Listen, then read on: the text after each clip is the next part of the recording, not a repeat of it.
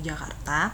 Podcast kali ini aku akan ngebahas tentang dasar-dasar logika yaitu term klasifikasi udah kita ketahui semua bahwa komunikasi itu terbagi menjadi dua yaitu komunikasi verbal dan non verbal nah sama seperti komunikasi verbal logika ini berfondasikan dari kata-kata atau dalam logika disebut dengan term. Nah term ini sebagai media pengungkapan pemikiran dalam dasar-dasar nah, logika kalau kita ngomongin pengertian term dalam buku sang ahli seperti Artap Singh Mehra dalam bukunya Pengantar Logika Tradisional.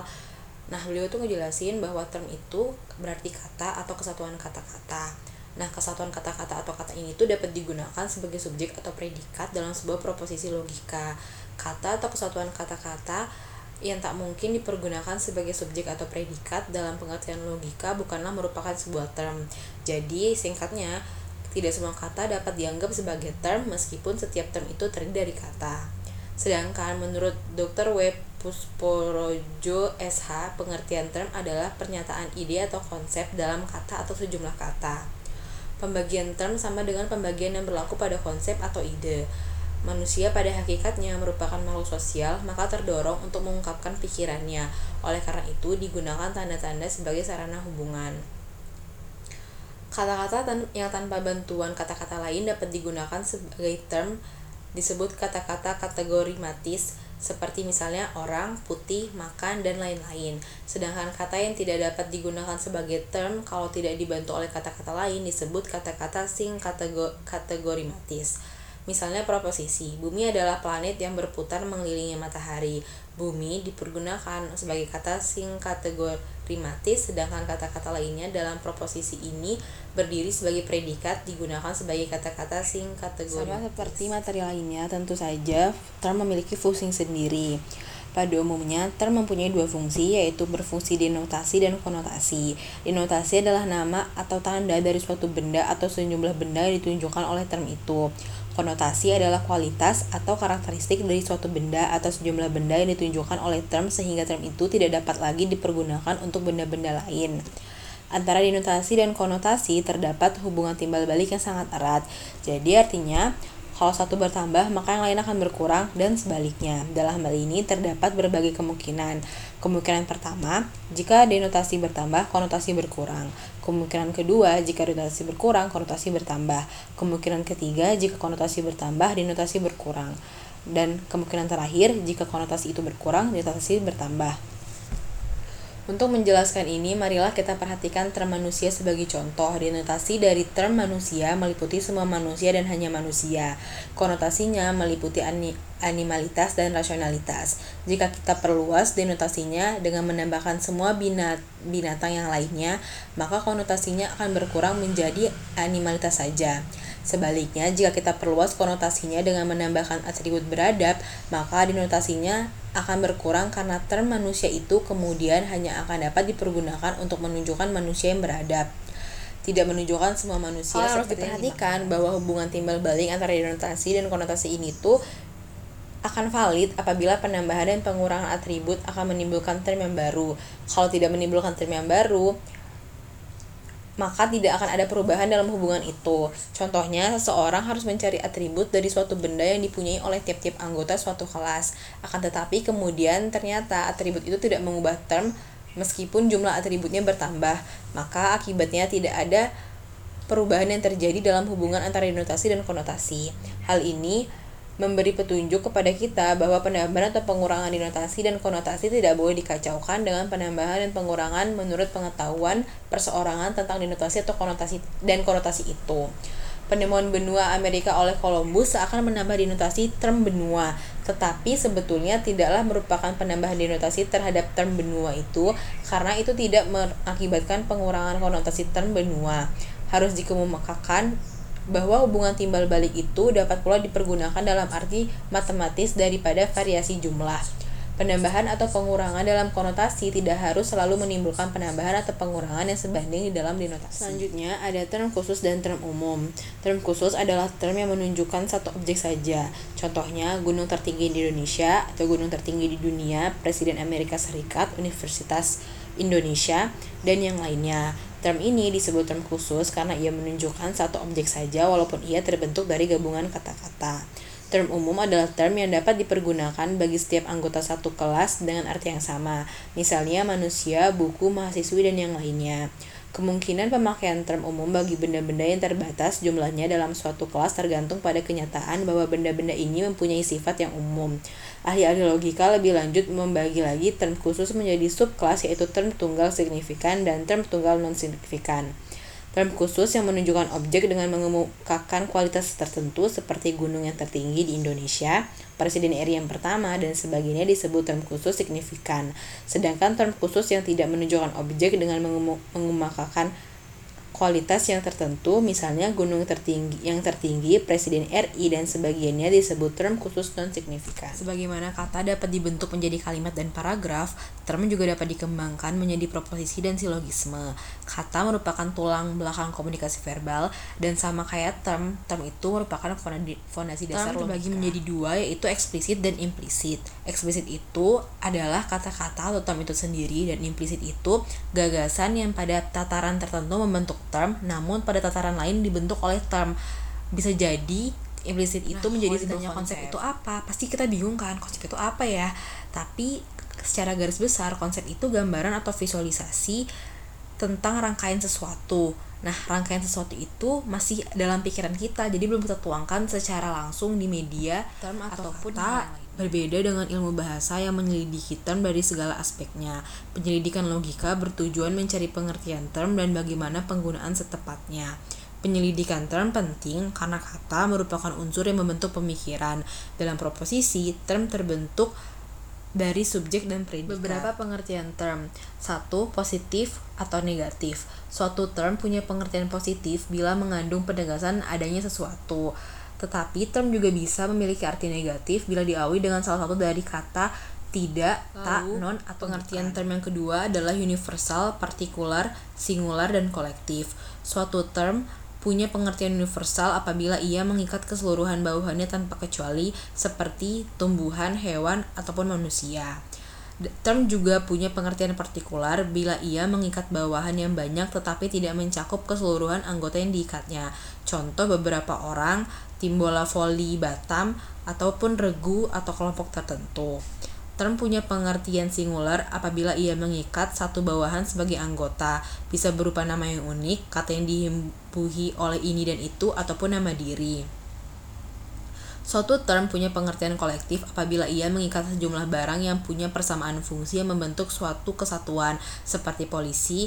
Pengertian ketiga dari term adalah konkret dan abstrak. Suatu term punya pengertian konkret apabila ia menunjukkan kepada suatu benda, orang lain, atau apa saja yang punya eksistensi tertentu.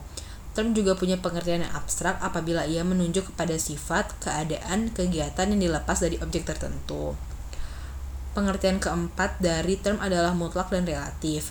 Suatu term punya pengertian mutlak apabila ia dapat dipahami dengan sendirinya tanpa membutuhkan hubungan dengan benda lain, seperti buku, rumah, kuda, pensil, dan term juga punya arti relatif bila tidak dapat dipahami dengan sendirinya tetapi harus selalu ada hubungannya dengan benda lain seperti ayah, pemimpin. Pengertian terakhir dari term adalah univok, equivok, dan analog.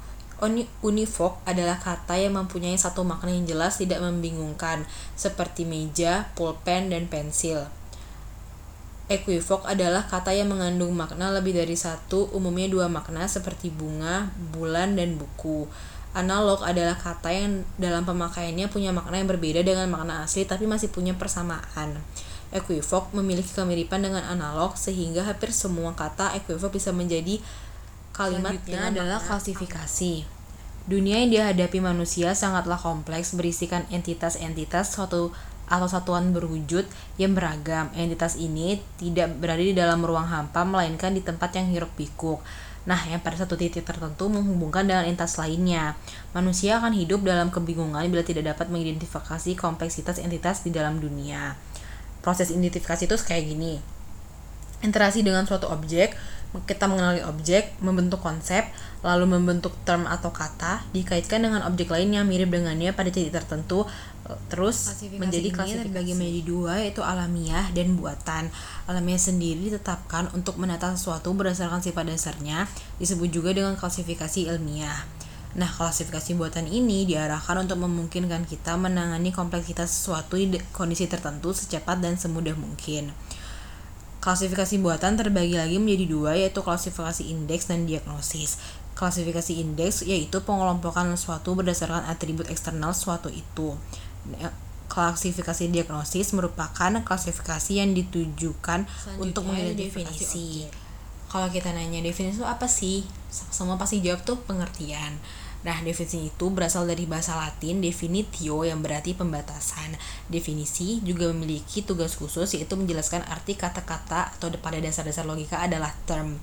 Definisi adalah suatu susunan kata yang digunakan untuk menetapkan arti bagi suatu kata atau bagi suatu grup kata. Dilakukan dengan tepat, jelas, dan singkat. Singkat pada jelas. SPJ.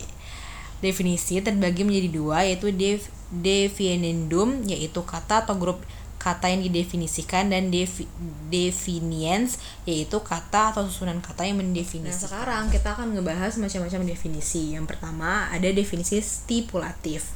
Definisi stipulatif itu apa? Nah, gampangnya atau mudahnya definisi stipulatif ini yaitu Definisi yang menetapkan arti untuk suatu kata baru, mencakup penciptaan suatu kata baru atau pemberian arti baru untuk suatu kata yang sudah lama. Umumnya bertujuan menggantikan ungkapan yang lebih kompleks dengan ungkapan yang jauh lebih sederhana dan bisa dipahami oleh orang banyak. Untuk menjelaskan fenomena dan perkembangan baru, misalnya istilah Tigon dan Ligar untuk menetapkan kode atau sandi rahasia yaitu Tora, Tora, Tora, operasi Barbosa, dan yang lainnya. Definisi, definisi stipulatif ditetapkan secara arbiter maka tidak dapat dibilang ada definisi stipulatif yang benar atau yang salah.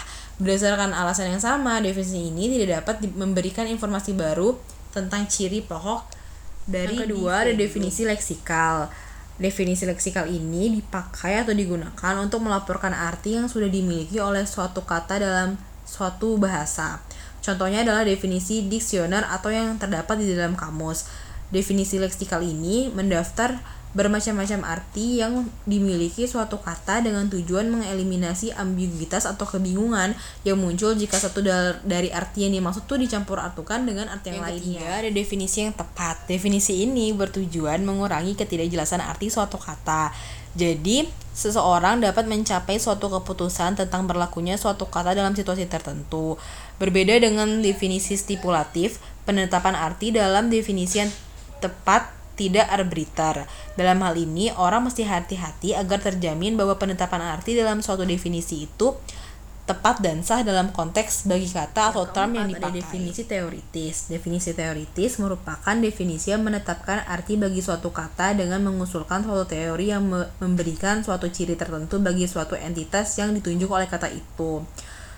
Suatu definisi teoritis memberikan kita cara untuk memandang atau mengerti suatu entitas dengan konsekuensi deduktif, merangsang penelitian, eksperimental atau lainnya yang lebih jauh dan dihasilkan berdasarkan penerimaan suatu teori yang Lalu menentukan yang kelima ada definisi persuasif. Definisi ini disusun dengan maksud mempengaruhi perilaku.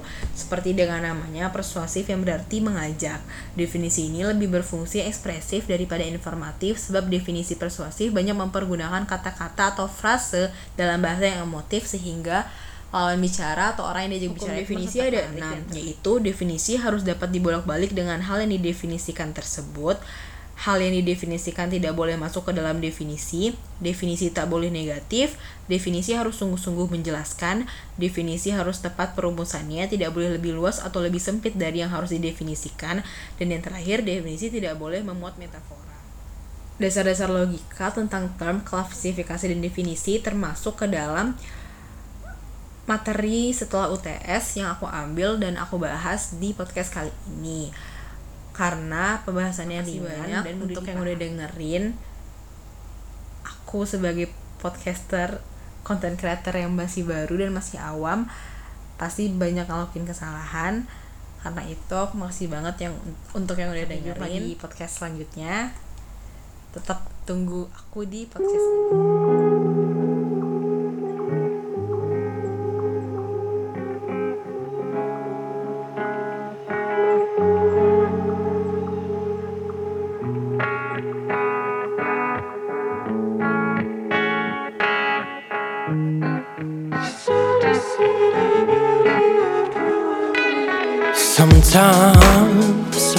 wrong.